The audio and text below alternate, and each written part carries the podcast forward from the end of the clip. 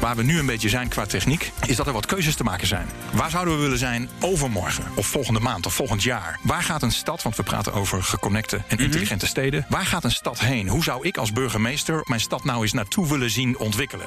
Welkom bij de Verbindende Factor. Ik ben Robin Rotman en deze serie podcasts gaat over technologie, mens en toekomst. Qua transport, hub, is Kampen wel heel centraal voor de rest van de wereld hoor. Dat we dat, dat we dat tot nu toe niet hebben opgemerkt. Ja, het, het, verbaast mij enorm. Kampen was vroeger het Amsterdam van het Oosten tot Amsterdam ontstond, zeg maar. Ja. En, en, en- maar digitaal gezien gaan we het allemaal weer terughalen natuurlijk. Heb je er zin in? Die toekomst? Oh, enorm. Ja? Ik, ik, ik zie liever morgen dan gisteren, ja. Dit is een podcastserie van Huawei. En vandaag hebben we het over de slimme stad. Leuk! Hoe ziet die stad er eigenlijk uit? En hoe gaan onze levens in die stad eruit zien? En dat mag ik bespreken met Edwin Diender. Hij is Chief Digital Transformation Officer en Vice President Government and Public Sector. Toch? Helemaal goed. Dat is echt wel een hele lange aankondiging voor Ja, iemand een die, mond vol, hè? die alles weet van slimme steden. Ja. Want jij bent ook gewoon chef slimme stad bij Huawei, toch?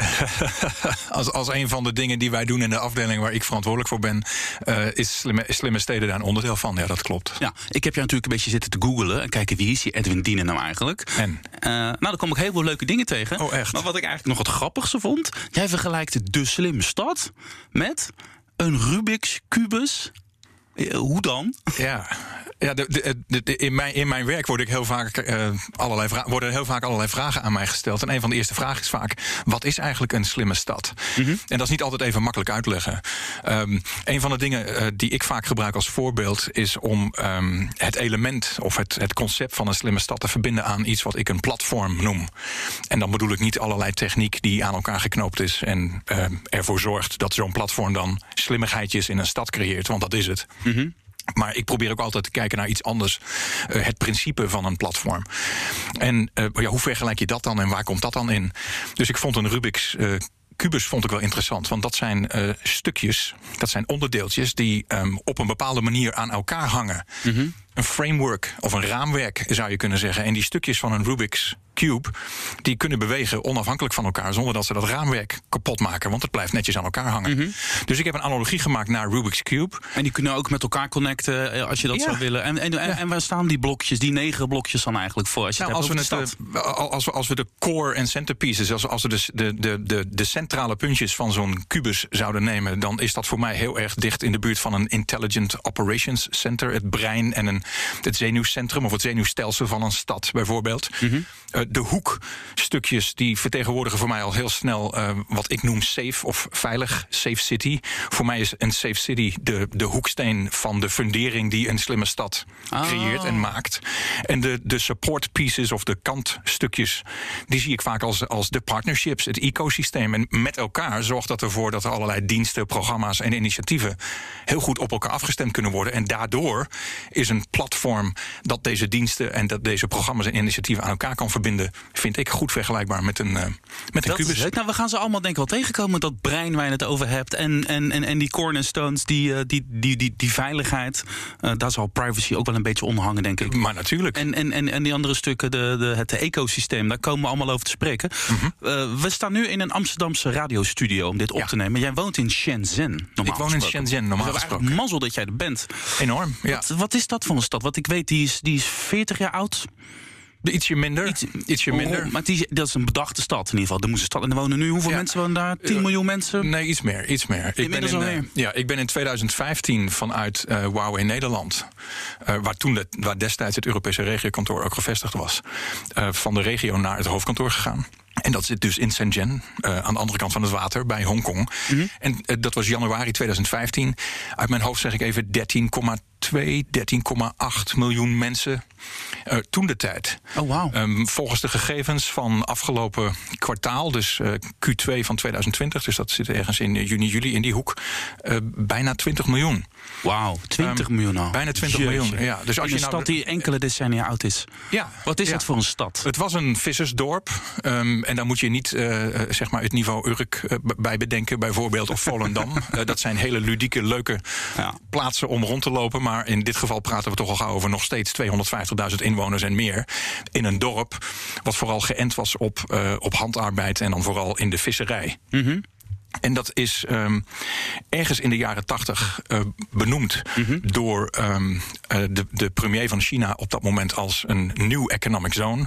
En daar is vervolgens op geïnvesteerd. Dus die stad is gaan ontwikkelen. Uh, de visserij bestaat nog steeds, maar de visserij is enorm geautomatiseerd en gedigitaliseerd. Uiteraard. Dat gaat vanzelf natuurlijk. En dat zorgt ervoor dat er een industrie omheen komt die daar toeleverancier in is, die daar bedenker van zijn, die daar misschien ontwikkelaar voor zijn. Dat trekt allerlei slimme koppen, zeg maar, ook die kant op. En dat zorgt ervoor dat je ook internationaal wat aandacht krijgt. Dus het werd al heel gauw benoemd en betiteld en getransformeerd tot Silicon Valley van China. Ah, en, en, dus, ook, en dus ook een slimme stad. Een enorme slimme stad, vanaf uh, from the ground up, so to speak. Hm. En dat brengt mij wel op een, op een punt waar we het misschien ook nog wel over gaan hebben. Uh, waar of wanneer begint nou een slimme stad slim te zijn? En waar zit dat demarcatiepunt? En is het misschien niet slimmer om gewoon greenfield, alles voor de vlakte zal ik maar even zeggen, en dan weer van nul af opbouwen? En dat hoeft natuurlijk niet altijd, want hier in deze stad is ook niet veel voor de vlakte gegaan. Er is gewoon heel veel bijgebouwd, omheen gebouwd. Maar wel met heel veel digitale informatie beschikbaar over waar dat is, te doen. Is het ook een soort uh, speeltuin voor uh, creatieven en voor mensen die met uh, technologie willen experimenteren? Is het ook een soort, is het ook zo bedacht van ja, hier gaan we dus ook alle nieuwe foefjes installeren? Ja, ja oké. Okay. Ja. Wat dan is mijn vervolgvraag natuurlijk. Eerst even terug naar het begin. Mm -hmm. Wat is dan eigenlijk precies die slimme stad? Ik begrijp die analogie met die kubus, die begrijp ik helemaal. Maar toch, een slimme stad. Wat is nou eigenlijk zo'n slimme stad? Ja, ja, ik heb. Rotvraag, uh, weet ik, maar toch. Nee, ik vind het wel een hele goede vraag. Want ik, ik moet bekennen dat ik uh, toen ik begon in deze materie. en uiteindelijk ook erachter kwam dat dit betiteld werd als slimme stad, hè, Smart City. Mm -hmm. uh, had ik en heb ik nog steeds bedenkingen over wat is nou slim. Als je door het woordenboek gaat bladeren wat de definitie van slim is. en je zou dat op een stad plakken. dan denk ik dat iedereen het met mij eens is dat dat eigenlijk helemaal niet past. een stad kan niet slim zijn. Maar wel nee, toch, wel maar nee. Toch, qua, wat, qua definitie van smart zal ik dan maar zeggen. Maar intelligent mm -hmm. zou wellicht nog wel kunnen. Um, of connected, zoals wij er tegenaan kijken. In, in, intelligent connectivity, dat zijn twee woorden die heel goed bij elkaar passen. En waarbij onze infrastructuren um, dat met zich meenemen zeg maar, en met zich meebrengen. Okay. Dus een connected stad, een smart city versus een connected city of een intelligent city, als je het even met Engelse termen zou moeten doen, dan kom je al, heel, kom je al veel verder naar een mechanisme toe wat makkelijker uit te leggen is en wat makkelijker in te vullen is. Oké, okay, dus concreet, we hebben het dus over die slimme stad, we hebben die, uh, die is connected, die is intelligent intelligent. Maar goed, die connectedness die komt dan samen in die kern van die kubus. Dat is dan het brein. Dat is het, daar komen al die, uh, die zenuwcellen een beetje samen. Mm -hmm. Maar dan toch de stad. Um, Oké, okay, uh, connected. Internet is dus kennelijk overal. We, we haken alles aan. Neem me toch, toch nog een beetje mee naar die. Wat is nou toch nog steeds dat archetype van die slimme stad? Ik nou, laat ik een voorbeeld geven ja. van, uh, van niet alleen mijzelf, maar ook waar ik eerder mee kwam. Uh, toen ik in januari 2015 naar Shenzhen ging en er 13,5, 13,8 miljoen mensen woonden en werkten. Mm -hmm. um, en nu inmiddels rond de 20 miljoen. Dat is in de afgelopen vijf jaar um, een enorme hoeveelheid aan mensen die erbij gekomen zijn. Uh, die hebben niet iets vervangen, die zijn er bovenop gezet, om het zo maar te zeggen, mm -hmm. qua, qua populatie. Nou, als je dan gaat bedenken wat het zou betekenen als je al deze mensen een plekje zou moeten geven in die stad. Uh, residency registration, hè, burgerregistratie. Dat is al een puist met werk. Ja. Uh, en dat wil je graag geregeld hebben voordat iemand ook daadwerkelijk ergens gaat wonen en een sleutel van een deur krijgt, bijvoorbeeld. Um, of van een bewoning, om vervolgens door de deur te gaan en daar echt te gaan wonen. Als je gaat nadenken over wat dat doet met afval, bijvoorbeeld bijna 7 miljoen mensen erbij qua afval, afvalverwerking. Ja. Deze mensen moeten misschien ook nog iets anders hebben. Die moeten zich registreren niet als bewoner, maar ook als uh, uh, uh, dingen als werk, dingen als verzekeringen, dingen als okay, zorg. Oké, okay, wacht. Enzovoort, enzovoort, enzovoort. We gaan dat straks gaan we dat later gaan we dat een beetje afpellen, maar we gaan hem even, even schetsen nu. We hebben dus een, een, een, een, een, een, een wireless ecosysteem hebben we dus, of, of internet-ecosysteem moet ik eigenlijk zeggen. Mhm. -huh. We hebben dus een, een bureaucratie die opgetuigd moet worden. Daar kan je slimmigheden in kwijt. Mhm. -huh. Je hebt de afvalverwerking. Je hebt een soort economische ontwikkeling. Dat is allemaal slim. Ja. Uh, en, en dan we leven natuurlijk nu in de 21ste eeuw. Dus alles moet duurzaam. En dat kan. Want we gaan dus vanaf het begin van beginnen. Ja. Dus we gaan meteen. De, dus Exact. dat, en dat zijn allemaal van die slimme elementen. Die bij elkaar opgeteld. Die, die bij elkaar opge, opgeteld de slimme stad een beetje gaan maken. Creëren maken. en faciliteren is misschien een wat betere manier van uitdrukken in dit geval. Dus het maakt geen slimme stad. Het faciliteert elementen die heel slim zijn voor een stad die uit zijn voegen groeit, zal ik maar zeggen. Ja. In een dusdanig kort tijdsbestek. Hè, nog geen vijf jaar, bijna 7 miljoen mensen erbij. Ja. Die moeten ook allemaal door de stad heen en weer bewegen. Ja. Dus er komen extra auto's bij, elektriek, eh, water, gas, noem alles maar op. Qua utiliteit. En dat zijn allemaal kansen voor slimme systemen. Bam, Correct. bam, bam. En die gaan Correct. we op elkaar stapelen. En waar het dan vooral voor zorgt, is dat het de, de dagelijkse operatie van het. ehm, ehm, van het hebben van zo'n stad of van het zijn van zo'n stad. Of als een burgemeester bijvoorbeeld verantwoordelijk zijn voor zo'n stad. Dan maakt de wereld van digitaal of de digitale elementen, die zorgen er toch voor dat het wat efficiënter gaat en dat het wat beter op elkaar wordt Oké, dat is Shenzhen, dat is jouw thuisbasis. Dat is Shenzhen, dat is mijn Dat is een thuisbasis. nieuwe stad. Dat is een stad die, wordt, nu- die wordt gecreëerd, die wordt gebouwd nu. Dus je zegt er komen een paar miljoen mensen bij. Dat, dat levert allemaal uitdagingen op. En dan kunnen we slimme dingen in kwijt. Die, die volg ik helemaal. Maar wij zitten hier in Nederland natuurlijk met wat relatief oudere steden. Eh, die worden ook slimmer. Die moeten ook slimmer worden. Dat is wel onze ambitie. Ja. En nu las ik ook ergens dat Amsterdam bijvoorbeeld het wereldwijd helemaal niet zo gek doet. Ja. In, de, in, de, in de lijstjes van slimme steden. ik, ik las ergens in top 5, top 10. Nou ja, dit- dit- ik denk dat elk onderzoeksbureau met eigen definities komt. Dus daar wil ik even vanaf zijn. Maar hoe doen wij het nou eigenlijk hier in Nederland? Heb je daar een We- beetje we- een wij doen het hetzelfde als heel veel andere landen. Wij kijken wat er is. Mhm. Nou, niet zozeer wij. Eh, Er wordt gekeken naar wat er is. Er wordt gekeken naar wat het ambitieniveau is. En er wordt gekeken naar in welk tempo. En op welke wijze een bepaalde route kan worden uitgestippeld met programma's en initiatieven langs de weg. Of gaande de weg eh, naar dat eindpunt, zeg maar. Of naar, dat, naar dat punt op de horizon. Om sneller en hoger in de waardeketen uit te komen. En dan zie je dat er in, niet alleen in Amsterdam, maar ook in de rest van Nederland. En, de, Ne- en Nederland in relatie tot onze omringende landen, hè, dus West-Europa. En Europa als continent op, het grote, op onze grote wereldbol. ehm, al best connected is. Er zijn best dingen die al op elkaar zijn afgestemd en die met elkaar samenwerken, maar nog niet transparant bijvoorbeeld. Of nog niet eh, heel vloeiend. Dus er zit nog heel veel verzuiling in. Een van de dingen die een slimme stad afremt, of die slimmigheden in een stad laat afremmen als je dat zou willen doorvoeren, is heel vaak niet technisch, maar zit heel vaak in regelgeving, zit in ehm, een approval process, zoals dat heet.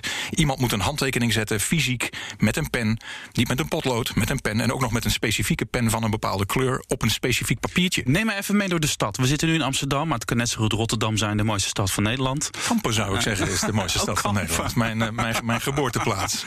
Wat, wat, Laten we Kampen nemen. wat, gebeurt er, wat gebeurt er om ons heen allemaal in, in zo'n slimme stad? Wat er nu al is, waar we misschien eigenlijk niet eens op bij stilstaan. De slimme stad is vaak een beetje zo'n term die je, die je leest in van die artikelen die gaan over futuristische ontwikkelingen. Hè? Ja. De slimme stad komt, die komt, die- dat is iets wat nog moet komen. Mhm. Terwijl jij zegt eigenlijk, het is eigenlijk veel organischer en we zitten er eigenlijk al een beetje in. Neem maar even een beetje mee door die steden. Wat zijn, zijn dat sensoren, zijn dat camera's? Wat zijn eigenlijk de slimme elementen die er gewoon al lang zijn? Wat er al heel lang zijn, zijn natuurlijk sensoren. Eh, wat er al heel lang is, is een, is een, eh, een bedraden koperdraadnetwerk. Ehm, om maar een voorbeeld te noemen, het elektriciteitsnetwerk, wat al meer dan 100 jaar alle huizen en gebouwen binnenkomt, eh, is een voorbeeld van een, een bedraad netwerk waar al de nodige slimmigheden in plaats hebben gevonden. En waardoor eh, de manier waarop de wereld van elektriek en waarop deze elektrieke netwerken Dus die maken we slimmer. Dat is slimmer aan het worden. dat is al enorm slim Ons aan het worden. En dat hebben wij misschien niet eens aan de, in de gaten zelfs. En hetzelfde gaat voor de telefoonlijn, wat ook een koperdraad is. Een tweede die hetzelfde huis binnenkomt. Bestaat ongeveer net zo lang en is ongeveer net zo oud. Ehm, maar de manier waarop wij nu met elkaar communiceren eh, vanuit het- het- de telefonie via je. eh, eh, hoe zeg je dat? Het- data en internet via je telefoon. Dat was jaren geleden een, eh, met een DSL-router. Ja. of een modem zelfs. was al mogelijk. Nou, die hele techniek daarachter is zo veranderd dat het ons niet meer opvalt. Nee, het is dat daar zoveel slimmigheden mee, we meer mee mogelijk zijn. De transport, is dat al slim? Eh, treinen, eh, metro, ehm, ja, subway, dat soort dingen. eh, de, het openbare transport, publiek transport, bussen. Ja. Ja, dat zijn allemaal al hele slimme ehm, eh, apparaten eigenlijk... die aan een bedraad of onbedraad netwerk hangen. En die al heel veel informatie genereren... waar wij niet eens van weten dat dat zo is. En daar kan gewoon beleid op gemaakt worden, kan op gestuurd worden. Absoluut. Stoplichten zijn natuurlijk ook slim. Absoluut. Eh, jouw elektrische fiets wellicht. Als ze op rood staan niet, maar als ze op groen staan, zijn ze slim. Nou ja, ik, kan, ik kan me voorstellen dat als ze op rood staan... dan zit er een, er zit er een, een, een gedachtegang achter... waarom die eventjes op rood staat. En dat kan Ah, best een hele slimme gedachtegang zijn natuurlijk. Maar Het is een beetje het, het feit dat al deze dingen met elkaar geconnecteerd zijn... misschien valt het je op in sommige wijken... eh, als, als luisteraar naar dit programma... dat ehm, misschien een paar jaar geleden... misschien tien of twintig jaar geleden... eh, knipperde het licht in de straat wat al te lang... en dan moest je bellen naar de gemeente. En dan op een gegeven moment kwam er eens een busje... met een laddertje en een mannetje en die ging dat regelen. En wellicht heb jij niet eens in de gaten gehad dat het lampje knipperde. Maar je hebt wel misschien gezien dat het even vervangen werd. Of je hebt een briefje Ja. in de deur gekregen waarin stond... we moeten eventjes een hoekje van de straat een beetje oplichten. Of we moeten wat anders doen. Dus er, er, er, er vindt informatiestromen en informatiedelen plaats rondom ons heen... die efficiënter en sneller op elkaar zijn afgestemd. Waar voorheen een burger zelf aan moest denken, gemeente moest bellen. En dan was het maar afwachten of iemand ook eens een keertje kwam. En vaak was het ook nog zo dat als iemand kwam voor het lampje. drie weken later kwam er iemand voor de riolering. Vijf weken later kwam er iemand voor weer iets anders. Ja, ja, en, ja. en dat ging maar achter elkaar aan. En voor je het weet was, de- was het hele jaar door elke zes weken de straat opgebroken. Dat is nu aanzienlijk minder. En dat is nu ook al aanzienlijk anders. Ik denk dat dat heel veel voorbeelden zijn die niet zo opvallen. Maar waar wel een hele slimme techniek achter zit die dat mogelijk maakt. Ik wil straks diep bij deze steden induiken en kijken wat dat betekent voor ons. Maar nu wil ik even weten wat Edwin Diende doet in die stad. En wat doet Huawei in die steden? Wat, wat gebeurt daar dan? Wat is nou jullie. Wat doe jij nou eigenlijk? De- Wat ja, doe jij nou eigenlijk dagelijks? ja, ja, maar als ik dat ga vertellen, dan gaat iedereen dat doen natuurlijk. Nee, maar ben jij een soort consultant die met burgemeesters en met stadsbesturen praat en, en gaat adviseren hoe we dat moeten gaan doen? Of wat? wat, Ja, wat- ik, ik heb een aantal rollen eh, die heel goed samenkomen onder, eh, onder iets waar helaas voor ons ook geen andere titel voor mogelijk is dan, dan Being a Chief Digital Transformation Officer. Ehm, als Chief Digital Transformation Officer heb ik eigenlijk twee petten op. Ik heb een interne pet en ik heb een externe pet. De externe pet is vooral, zoals je net zelf ook schetst, eh, adviseur van dienst. Ik help onze klanten en onze partners met hun digitale reis. En kijk vervolgens naar een aantal stapjes terug eh, in die reis over waar en op welke manier kan het ondersteund worden, kan het versneld worden. En kan dat wellicht ook met techniek die ik namens eh, het bedrijf dat ik vertegenwoordig wellicht in portfolio heb. En waar partnerships in zitten met integratoren, softwareontwikkelaars en dienstverleners. Die daar iets omheen gebouwd hebben aan dienstverlening en aan, aan waarde. Nou. En, en, en past dat dan ook? En, en hoe, moet het dan, hoe, hoe moet dat dan passen? Lijkt me ook een enorm creatief proces. Want je gaat geweldig, Gewoon met ja. grote steden gewoon echt lekker brainstormen. Over ja, Ja. jongens, wat gaan we doen dan? Ja. Hoe gaan we dit slimmer maken? En wat gaan we dan slimmer maken? En wat vinden we eigenlijk belangrijk? Want je wilt natuurlijk ook zorgen dat het niet een doel op zich wordt. Precies. Dat je daadwerkelijk die stad leuker en fijner maakt. Eh, eh, Zo is het inderdaad. Zo is het inderdaad. En het, het gaat ook langs andere assen natuurlijk. Er zijn al ideeën die liggen op tafel. Dat zit in een digitale agenda. Regeringen hebben die. ehm, steden van dienst hebben die. ehm, organisaties hebben die. En dan wordt er gekeken of allerlei programma's die daarin staan versneld kunnen worden ingevoerd. Misschien wel moeten worden overgeslagen of kunnen worden gecombineerd. Ehm, en de weg terug is ook een ander. Ik mag ook informatie delen. Eh, dat wat ik aan de ene kant van de wereld heb gezien. En wat wellicht een idee zou zijn voor iets aan de andere kant van de wereld. Daar mag ik woordvoerder voor zijn. Daar ben ik een spreekbuis voor. En hoe ziet jouw agenda, er dan uit? Word jij gebeld door eh, uit Sao Paulo of uit New York of uit Barcelona of uit Kampen? Komt en dan voor, is het van, ja. we, hebben, eh, we willen iets met die slimme stad. We hebben erover gelezen, we hebben erover gehoord. Onze ambtenaren die willen er iets mee. Zo gebeurt en het dan vaak, is het van, we bellen nu Edwin in eh, Shenzhen. Nou ja, of ik dan in Shenzhen zit- of niet, dat maakt dan even niet uit. Maar ik krijg vaak berichtgeving op deze manier. Of men vindt mij via LinkedIn. Ehm, er zijn heel veel instanties wereldwijd die helemaal niets met. eh, die niet in en vanuit de slimme stad zijn.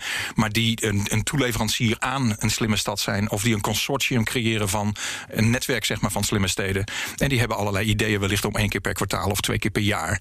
eh, allerlei evenementen of congressen of summits. En noem alles maar op. En die vragen soms naar sprekers. Ehm, en die nodigen mij soms uit als spreker. Ehm, en vaak is het dan zo dat nadat mijn stukje uitgesproken is, mag ik wat langer blijven en mag ik met journalisten praten en met analisten, ehm, met ehm, eh, onderzoekers en onderzoekbureaus. En daar komt wellicht, of heel vaak zelfs, een vervolg uit met hey, een slim idee. Misschien moeten we jou de volgende keer ook eens uitnodigen in ons onderzoek. Of misschien kun je meeschrijven aan een van de rapporten. Of misschien kunnen we jou inhuren als een, eh, als een consultant. Ja. Dat doe ik dan niet. Wij hebben een consultingafdeling in ons bedrijf en daar draag ik dan vaak aan over. Ja. En dat komt, da- daarmee kom ik Dus op ben mijn, je, op mijn tweede je bent een verbinder en een inspirator ben je eigenlijk dan meer. misschien. Vaak wel, ja, ja. Vaak wel, ja. ja. En, en, en Huawei, ehm, die leveren de technologie om dit geintje mogelijk te maken. In de- in de 5G denk ik dan in, de, in de analogie van de Rubik's Cube, waar wij het eerder over hadden, eh, zijn wij een, eh, een maker, eh, bedenker, innovator, maar ook leverancier van die verschillende bouwstenen. Die als je die op een bepaalde, op een bepaalde manier met elkaar laat samenwerken en in elkaar klikt, ehm, een stukje van, deze, van dit oplossingsgebied adresseert en oppikt. Ja. Leuk. En 5G is daar een mogelijkheid van. Dat is natuurlijk een belangrijke voorwaarde, neem ik aan. Die moet dat, tenminste, Nou wordt het wel makkelijk. 5G is, een, is, is, is de next generation, hè, de vijfde generatie van mobiele netwerken. Daar zit net wat meer intelligentie in dan in het 4G-netwerk. En daar kun je ook net wat meer mee doen dan dat je dat met 4G of 3G-netwerken kan Ja. doen. Maar het hoeft niet per se 5G te zijn natuurlijk. Ik heb een leuk gebbetje in deze podcastserie. Hm. Eh, dit gaat natuurlijk over connectedness. We zijn allemaal connected. Ja. We gaan even connecten met critici. Heel Er goed. wordt natuurlijk van alles geroepen over Huawei. We kennen de verhalen over de Amerikaanse president. En op internet wordt van alles geroepen. Er worden af en toe kamervragen gesteld. Zeker. En ik ga wat van die dingen gewoon eh, aan de mensen voorleggen die ik hier tegenover me heb staan. Vandaag is dat eh, de chef Slim Stad. Uh, het gaat niet allemaal over slimme steden wat hier voorbij komt. Maar misschien vind je er wat van. Uh, ik kom mijn vraag tegen. Deze komen allemaal van Instagram. Okay. Welke maatregelen zou Huawei nemen om te waarborgen dat gegevens niet aan China worden doorgegeven? Oh, dat is een hele simpele. Die maatregelen die bestaan. En die maatregelen, daar hoort elk bedrijf, elk persoon en elke instantie die zich in een willekeurig land bevindt waar deze maatregelen voor en vanuit van toepassing zijn, zich aan te conformeren. Mm -hmm. um, wij als Huawei, ik zal het maar op zijn Nederlands uitspreken. Wij als Huawei ja. in Nederland zijn een Nederlands bedrijf. Mm -hmm. uh, Huawei, want zo spreek ik het uit. Want als ik het niet zo uitspreek, dan gaan mijn collega's in China naar mij kijken en zeggen: Wat zeg je nou? Oh, waar heb je het eigenlijk over? Waar heb je het over? Maar dus op, op je Chinees zeg je Huawei. Uh, maar uh, Huawei Duitsland is een Duits bedrijf. Huawei België is een Belgisch bedrijf. Wat zeggen ze in Duitsland eigenlijk? In Duitsland zeggen ze, dacht ik ook, Huawei. Ach, oké. Okay, okay. Bitte. Oké, okay, maar toch even um, terug. Wat ik de, deze stelling... Het, het, het, is, het, is, wel een hele belangrijke component. Dus je komt er niet vanaf bijna. Dat is het irritante. Nou, er worden gewoon politieke besluiten ik, genomen. Ik, ik, vind ook dat we er niet vanaf moeten. Uh, openheid en, tra en, transparantie is iets wat we heel hoog in de vaandel hebben staan. Mm -hmm. uh, conformeren aan landsrecht uh, ook. wij conformeren ons aan de regelgeving zoals die voor een land geldt. Dus in Nederland, even als voorbeeld nemend... alle gegevens van Nederlanders en onze Nederlandse klanten enzovoort enzovoort... staan en blijven in Nederland. Ja. Het kan ook niet zomaar zijn dat een ander land dan zegt... omdat je onder een bepaalde regeling valt... moeten die gegevens onze kant op. Want ja, dat, dat in internationaal recht staat dat niet eens toe. Ja, oké. Okay. Volgende. En dit vind ik altijd zelf altijd leuk, want die, die leeft ook altijd volgens mij wel. Uh, welke waarborgen worden gesteld om IoT, Internet of Things, geen grootschalige inbreuk op privacy te laten worden? Ja. Hoe gaan we dat veilig houden? Dan, dan, dan, wijs ik wederom naar wet en regelgeving waarnaar geconformeerd moet worden. Maar dan wijs ik ook even naar de verantwoordelijkheid die wij als een fabrikant zelf hebben. Wij hebben enorm veel ja, okay, uh, mechanismen ingebouwd Hoe ga je dat technisch dan doen? Hoe kan je dat doen? Er zijn, er zijn technisch gezien heel veel mogelijkheden om, um, om, om veiligheidsaspecten uh, zeg maar, te waarborgen. Mm -hmm. um, Even voor het gemak, stel dat er een applicatie op je mobiele telefoon draait uh, waarmee je in verbinding staat met je bank. Uh, jij en ik staan allebei bij de supermarkt. Jij hebt bank 1 en ik heb bank 2. Uh, al sinds jaar en dag is het zo dat als jij en ik allebei tegelijkertijd gaan afrekenen met onze mobiele telefoon bijvoorbeeld of andere mobiele technieken, dan zitten er heel veel mechanismen achter die ervoor zorgen dat jouw gegevens aan jouw kant blijven, mijn gegevens blijven aan mijn kant. Um, de manier waarop ik met mijn bank communiceer is niet alleen beveiligd qua uh, vercijfering, maar is ook beveiligd qua tunneling. Dus het is als het ware alsof er een fysiek tunneltje qua informatie tussen mij en mijn bank alleen voor mij en mijn bank van toepassing zijn. Daar zit authenticatie en autorisatiemechanisme achter. En dat is altijd zo. Dat geldt voor alle communicatie die over en weer op deze manier uh, uitgevoerd wordt. Wij als fabrikant van techniek in het midden, dus van die verschillende bouwstenen die dat soort zaken aan elkaar weten te um, knijpen, zomaar gezegd. -hmm. Moeten natuurlijk punt 1 snappen hoe dat werkt. Punt 2 moeten we dat kunnen faciliteren. En punt 3, de allerbelangrijkste, we moeten dat kunnen garanderen. Dat lijkt me toch het moeilijkste, hè? want dat, dat is het allermoeilijkste. Een hoop spulletjes die je straks aan. Ja, eigenlijk is alles connected straks. Alles is, nou, alles is al connected. En niet alles is connected van één en hetzelfde logo. Want dan zou het misschien nog veel makkelijker zijn om met één bedrijf, ah, ja. één afspraak, één veiligheidsaspect en één, één beleidslijn. Maar als er verschillende logo's met elkaar al gaan samenwerken, en daar zitten we natuurlijk nu midden, midden in. Mm -hmm. um, de global supply chain is zo En zoveel verschillende partijen met verschillende, niet alleen belangen, maar ook technische mogelijkheden met elkaar aan samenwerken. Dat een wereldwijde standaard, de standaardisaties en open standaard, ja. uh, is natuurlijk enorm belangrijk. En wij zijn onderdeel van die gesprekken. Wij zijn vaker ook leider in dat soort gesprekken. Ja. Maar wij zijn zeker uh, leverancier van apparatuur waarmee dat ook zo kan. Het is een heel mooi thema. Dit is ook, als je dit nu hoort je vindt het interessant. We hebben nog een andere opname gemaakt met jouw collega Jaap Meijer. Mm -hmm, en, uh, de Winter. Die heeft hierover meegepraat. Die hebben het ook hierover, over die veiligheid. Hoe gaan we dat veilig houden? Dus als mensen dat interessant vinden, kunnen ze ook die aflevering terugluisteren. Een andere leuke vraag, die kwam ik tegen. Dat is een beetje een flauw vraag, maar het is wel leuk. Uh, gaat Huawei de strijd winnen tegen die mafkees uit Amerika? ik denk dat, ze, dat deze, dat deze uh, Instagram het doelt op uh, president Trump. Ik heb geen idee wie die bedoelt. Ik, ik, ik, ik, denk dat er heel veel mafkezen wereldwijd in heel veel landen zijn. Uh, ook in Amerika en ook, nee, uh, dit is ook toch... hier. Ik, ik, ik heb niet het idee dat wij in gevecht zijn, laat ik dat vooropstellen. En, uh, en ik heb ook niet het idee dat als wij in gevecht zijn, dat we in gevecht zijn met een persoon of met een iemand. ik snap best dat men graag wil hebben dat wij zeggen dat er eh, gevochten wordt. Het is een handelsoorlog en dat soort dingen. Wij- Eigenlijk is Huawei een beetje een soort speelbal van een soort geopolitiek eh, gedoetje. Nou, in, in, in, in, dat, in, dat, ehm, in dat spel zeg maar, zouden wij best een speelbal kunnen zijn. Maar ik zit niet in dat spel en ik sta Nee. ook niet aan die kant van het speelveld. Ik zit in een ander spel. Eh, ik zit in de zakelijke markt. Ah. Eh, en hier hebben we competitie. En die is van alle dag. Ah. Eh, vanaf dat ik van school af kwam en aan het werk ging. Eh, sterker nog, op school had ik al competitie natuurlijk. Eh, Over het leukste meisje van de klas en wie Ja. mocht met haar uitgaan en zo, dat soort dingen. Hè? Dus dat, ehm, Oké, dat, dat we over de, de Instagram vragen. Er komen constant van dit soort vragen met van, van een soort gelijke strekking. Ja. Die ga ik gewoon lekker elke aflevering lekker voorgooien. Doen. Een, eh, een, een, een leuk beeld, eh, of een interessant beeld wat wij in Nederland vaak hebben van de Chinees en van China, van de Chinese steden. Mhm. Er worden documentaires over gemaakt. Dat zijn die camera's die overal hangen. Gezichtsherkenning. Je wordt constant gespot. Eh, constant word je in de, ga- in de gaten gehouden, is dan het verhaal. Ja. Je krijgt sociale puntensystemen. En als je de rood loopt, gaan de punten vanaf. En eh, je, je kan moeilijker solliciteren. Wat is er nou? Is dat nou een mythe of zit er toch iets van een waarheid in? Ja, dat dus de slimme stad als een beetje tegen het de de tegen, documentaire- tegen, tegen het individu wordt eh, ingezet eigenlijk. Hè? Ja, het ligt aan de documentaire, denk ik ook. Eh, als ik documentaires zie van mooie steden in China, dan gaat het toch wel vaak over eh, toeristische attracties, de wijze waarop mensen daar wonen, de folklore en Nou, dat soort wel, maar dit natuurlijk. beeld wat er, wat er een beetje ontstaat over hoe China omgaat met eh, de kijk, burgers dit- en met, voor- technologie. Voor mij, is het, voor mij is het heel eenvoudig. Eh, een, een camera kan 80 verschillende dingen doen. Mhm. Ehm, en het ligt er even aan van wie die camera is en eh, onder welke regelgeving die camera wordt gebruikt. Er was eerder vandaag op de, op de radio een, eh, een item dat hier ook een beetje over ging. Ehm, wij zijn een leverancier van, van techniek. Ehm, en die techniek die kun je op allerlei manieren inzetten.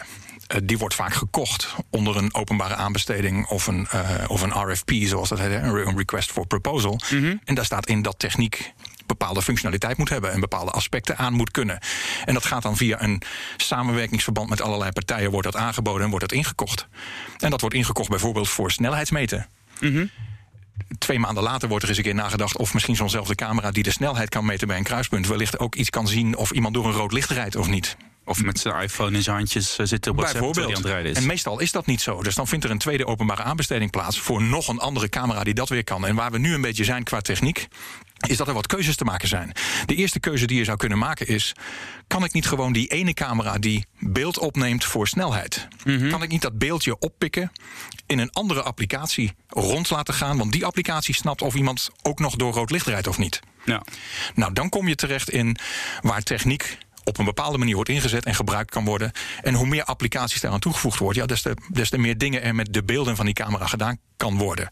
Maar dat, oké, dus je zegt eigenlijk, die techniek is eigenlijk eh, van zichzelf eh, amoreel. Daar, daar kan je van alles mee. En de gebruikers die moeten zelf kiezen hoe we daarmee omgaan. En de Chinezen zullen wat dat betreft een andere cultuur hebben dan, dan, dan wij in Nederland. En iedereen doet het op zijn eigen manier. Dat is een beetje. Kan ik dat zo? Is dat, dat, dat, zou je best zo kunnen zeggen. Maar ik, dat, dat zou, als het uit mijn mond zou komen, zou je ook kunnen zeggen... dat is wel een erg makkelijke manier om er vanaf te komen natuurlijk. Want zo hoef ik het niet te beantwoorden. En ik vind wel dat we dit moeten beantwoorden natuurlijk. Kijk, een camera heeft heel veel functies. Maar toch even dat beeld wat ik net schets. Hè? Dat is een beetje gechargeerd misschien. Maar bestaat dat zo op die manier in Peking? Eh, Nou ja, in, in heel veel steden in China zijn camera's. In heel veel steden in de wereld zijn heel veel camera's. Met En die camera's worden. En dat wordt op die Ja. manier wordt ook tegen gebruikt. Als je, door, als je, als je niet Nou, of het tegen je wordt gebruikt, heb ik, het idee heb ik zelf niet, Nee, moet ik eerlijk wezen. Ehm, anders dan in het voorbeeld van door rood licht rijden bijvoorbeeld. Ja. Het wordt tegen je gebruikt als je daadwerkelijk door rood licht rijdt. Ja. Eh, als het de bedoeling is als voetganger bijvoorbeeld... om echt te wachten tot het eh, rode licht gedoofd is, zal ik maar even zeggen... en het groene licht aangaat om over het zebrapad te gaan lopen... dan kan ik mij voorstellen dat als dat de regel is... en we doen ook aan handhaving... dat daar verschillende manieren van zijn om die handhaving te doen. En dat zal in het ene land op de ene manier gaan... en het andere land op de andere manier. Maar het, het middel van een camera die daarbij ondersteunt... dat kan ik wel snappen dat dat in sommige steden een plekje heeft. Net als dat je wordt geflitst als je door rood rijdt. Bijvoorbeeld. Laten we hem eens naar Nederland halen. Heb jij het gevoel, want dit is volgens mij ook belangrijk altijd, dat eh, aan de voorkant bij de introductie van technologieën, bij de ontwikkeling van innovaties, aan de voorkant genoeg wordt nagedacht over wat willen we daar nou eigenlijk mee? Waar liggen nou de grenzen? Wat, wat, wat willen we nou eigenlijk? Of, of ik heb het gevoel dat, dat er iets wordt geïntroduceerd. En pas daarna gaan we nadenken: willen we dit eigenlijk wel op deze manier? Dat is een beetje. Maar ik- misschien kan Ja, het ook nee, niet dat, anders. dat, gevoel heb ik ook. Dat gevoel heb ik ook. Kan het eigenlijk anders? Ja, zeker kan het anders. Oh. Ja, dat kan, het kan heel erg anders zelfs. Eh, eh, je, je zou ook kunnen beginnen met eh, wat is het probleem dat wij proberen op te lossen natuurlijk. Mhm. En als, dat, als, dat, als de oplossing van dat probleem misschien vier alternatieven heeft... eh, dan zou je ook kunnen nadenken over welk van die vier alternatieven dan het best zou passen bij, bij de oplossing zoals je die graag zou willen zoeken. En soms is dat helemaal niet iets technisch. Nou, wat je vaak ziet, je hebt, eh, en dat wordt vaak gebruikt ook door, ehm, door economen, waar ik er gelukkig zelf ook een van mag zijn. Ehm, aan de ene kant heb je de oude economie en aan de andere kant heb je de nieuwe economie. En de nieuwe economie is vandaag de dag de digitale economie. En, de, en techniek van vandaag die helpt niet bij het oplossen van problemen voor morgen. Want techniek van vandaag is in place, om het zo maar te zeggen, als oplossing voor een probleem van gisteren. Dus een andere manier om naar problemen te kijken, een probleemoplossing en, en oplossings, eh, oplossingsgebieden te adresseren, is waar zouden we willen zijn overmorgen? Of volgende maand of volgend jaar. Waar gaat een stad, want we praten over geconnecte en intelligente steden. Waar gaat een stad heen? Hoe zou ik als burgemeester of als, als team van mensen of als een city manager, waar zou ik mijn stad nou eens naartoe willen zien ontwikkelen? Oké, wacht. Laten we, dit, laten we dit nou eens doen door de bril van Edwin Diender. We pakken een stad, maakt me niet uit. Kampen. Eh, eh, kampen we pakken Kampen. Eh, en dat wordt het, de, het model voor de slimme stad. Dat wordt ons, ons pilot. Dat Yes, wordt onze pilot. Ja. Laten we dan nu eens gaan kijken. Oké, wat willen we morgen of overmorgen? Want jij spreekt natuurlijk heel veel mensen over dit soort dingen. Ja. Hoe gaan wij ehm, eh, onze energievoorziening regelen in Kampen? Ja, dat is dan een hele specifieke. Ik zou, ik zou één stapje teruggaan. Waar en op welke manier zouden we deze stad naar een bepaald punt willen brengen? Ah, oké. Nou, schets die stip op als we, maar en als we, als we daarmee beginnen, we hebben dat gedefinieerd, dan komt uit dat denkproces ook iets over wat doet dat dan met de, de energievoorziening die we vandaag hebben en die we dan daarvoor nodig we hebben. zitten hier aan tafel met eh oud-medewerker van uh, Huawei in eh, Shenzhen. Kerstvers burgemeester van Kampen. Die gaat zijn, zijn stad en zijn bevolking meenemen naar de toekomst. Ja. Oh, dat zou ik zeker doen. Eh, Bij deze eh, de pitch. Eén minuut. Bring it on. hier gaan we. Nou, Kampen is een van de, de steden aan de monding van de IJssel. eh, eh, tegen de voormalige Zuiderzee aan, wat tegenwoordig het Ik wil IJsselmeer geen geschiedenisles. Ik wil weten waar Kampen heen gaat. Kampen gaat, Kampen gaat dan vervolgens vanuit die historische rol naar haar toekomstige rol. Wij gaan digitaal gezien deze unieke economische functie die we hadden. en die verschoven is door afsluitdijken en dat soort zaken. digitaal opnieuw herinrichten. En wij gaan dat niet doen door meer mensen naar Kampen toe te halen. maar wij gaan dat doen door digitaal meer mensen aan Kampen te verbinden. En dat betekent dat weer, net als Estonia een digitale residency heeft. als een inwoner van Estonia gaan wij het wat kleiner doen. We gaan dat doen als een inwoner van Kampen, digitaal. Je kan al je banking services, je kan je digitale vestiging van jouw digitale bedrijf in de economische digitale hub Kampen creëren. En dat geldt voor transport, dat geldt voor financiële zaken, dat geldt voor ons, zorg hoe gaan we onszelf verplaatsen binnen Kampen? Digitaal gezien is dat natuurlijk niet zo'n heel erg groot probleem. Want digitaal gezien bewegen mensen al heen en weer. Ik kan als een digitale inwoner van Kampen een applicatie hebben die mij bevestigt dat ik een inwoner van Kampen ben, digitaal. En daar heb ik allerlei voordelen mee als ik door het land beweeg, bijvoorbeeld. Maar stap ik in die, Fysiek wordt dat wat anders stap natuurlijk. ik in die toekomstige eh, kampen in een auto met een, eh, met, een, met een schakelbak en ga ik mezelf verplaatsen? Of rijden daar allemaal auto's rond waar ik gewoon instap en die mij gewoon ergens heen brengen? Transport as a service, zoals dat volgens mij tegenwoordig heet. Het- het- Hoe gaan ik- we ons verplaatsen in kampen? Ik denk dat jij mijn eh, adviseur van transport wordt met deze gedachtegangen. dus da- da- daarmee heb, je, heb ik in ieder geval ben ik in staat geweest om de, de pitch zo neer te leggen dat we voor jou een plekje hebben. Maar ja, zo zou het gaan en zo zou het ook moeten zijn. Oké, dus dit is het slimme transport. Ah, Meer digitaal. Eh, en dat zorgt ervoor dat energievoorzieningen die daarvoor moeten zorgen dat het slimme transport ook een plekje kan krijgen en kan worden voorzien van energie, ook op een andere manier moet worden ingericht. want hoe gaan we dat energie? Allemaal zonnepanelen op het dak? Zonnepanelen zou kunnen, heel veel wind, eh, water ehm, en dat soort zaken. Eh, warmte terugwinning, eh, grond en aarde, eh, warmte om het zo maar te zeggen. Dat is natuurlijk op allerlei plekken mogelijk. Kampen zou daar een hele goede plek voor zijn om dat te doen. Want in de wereld van digital, een digital version of Kampen. Hm? Zijn, is, zijn dit de stappen niet naar de toekomst toe, maar zijn dit de stappen van vandaag om morgen nog beter uit te komen dan waar we al waren? Waar halen we ons eten vandaan in kampen?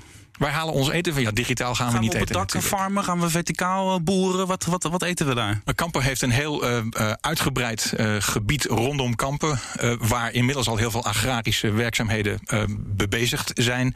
En we gaan dat natuurlijk naar een iets hoger plan tillen. We gaan het wat opschalen. eh, zodat eh, niet alleen voor de bevolking, maar ook voor de rest van de wereld er wat voedsel uitkomt. Want qua transporthub is Kampen wel heel centraal voor de rest van de wereld. Hoor. Dat we dat, dat we dat tot nu toe niet hebben opgemerkt. Ja, het, het, het, verbaast mij enorm. Kampen was vroeger het Amsterdam van het Oosten tot Amsterdam ontstond, zeg maar. Ja. En, en, maar digitaal gezien gaan we het allemaal weer terughalen, natuurlijk.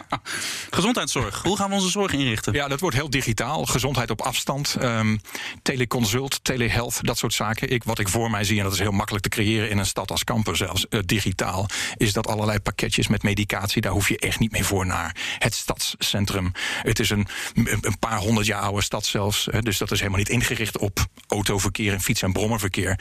Uh, om maar even wat te noemen. Dus als er drones zouden zijn die vanaf bepaalde apothekers of pharmacies uh, iets kunnen afleveren bij mensen thuis of op drone stations, uh, bij zorginstellingen en dat soort zaken.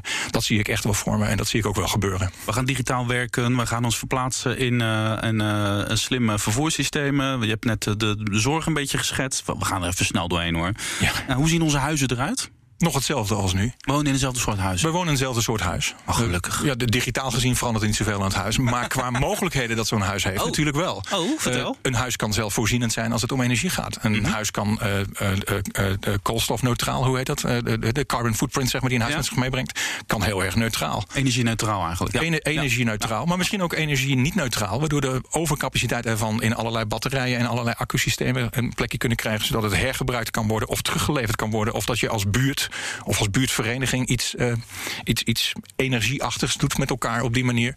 Uh, ja, dat zie ik ook wel gebeuren. En da zijn daar zijn al heel veel mogelijkheden we voor. We hebben nu een paar belangrijke elementen. We gaan er snel doorheen. Zijn er nog verder belangrijke dingen in die slimstad Kampen die als archetype voor de rest van de wereld gaat dienen? Nou, als, als ik het dan toch voor het zeggen zou hebben. En ik, Burgemeester Diende, komt u maar. Zeker. En ik, en, en, en ik, ja. heb, en ik heb mijn verleden in, in een, een van de mooiste bedrijven uit Shenzhen natuurlijk. Uh, en we praten over 20 jaar na nu. Dus ik ga even 20 jaar vooruit en kijk dan terug. 20 jaar geleden, 21 jaar geleden, waren er nog maar twee mobiele platformen. Uh, maar twintig jaar geleden is het bedrijf waar ik destijds voor werkte begonnen met een derde.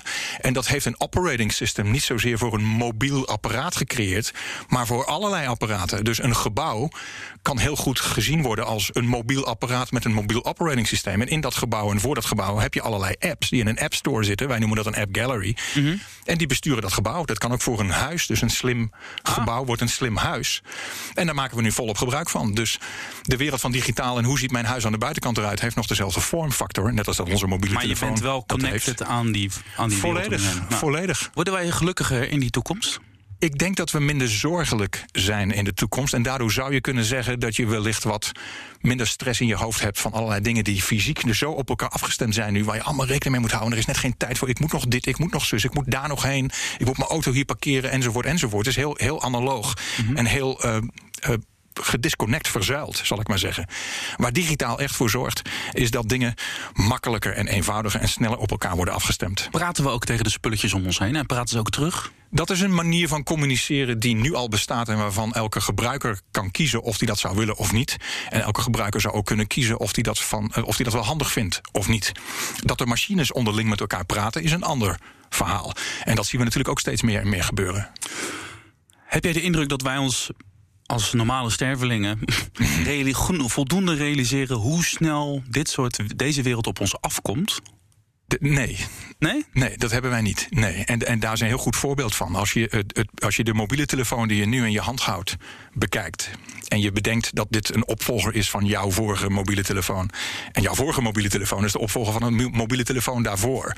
En als je vervolgens kijkt naar hoe dat eruit ziet. Dat is qua vorm niet veel veranderd. Het is nog steeds een wat langwerpig apparaat. Het is een schermpje, kun je met je vinger opdrukken of met een stylus. Mm -hmm. um, maar je zult het ook met me eens zijn dat het apparaat wat je vandaag in je hand hebt, zoveel dingen meer kan al wellicht onopgemerkt, of wat jij heel vanzelfsprekend vindt. Versus de tweede of de derde hiervoor. En dat is een verandering, die heb jij waarschijnlijk helemaal niet zo gezien. Want dat neem je even voor vanzelfsprekend aan. Maar dat is, dat is nog geen vijf, zes jaar geleden wellicht. Heb je er zin in? Die toekomst? Oh, enorm. Ja? Ik, ik, ik zie liever morgen dan gisteren, ja. Ah, leuk. Nou, we gaan het meemaken. Dankjewel. Edwin Diender met een hele lange functieomschrijving... die mensen lekker op internet mogen gaan opzoeken. Heel veel succes en heel veel dank voor jouw mooie verhaal. Graag gedaan. En als je nou ook nog wel uh, de andere afleveringen in deze podcast hier wilt terugluisteren... dan kan dat via alle uh, grote belangrijke podcast-apps en Spotify. Dus Edwin, succes in Shenzhen weer. Dankjewel.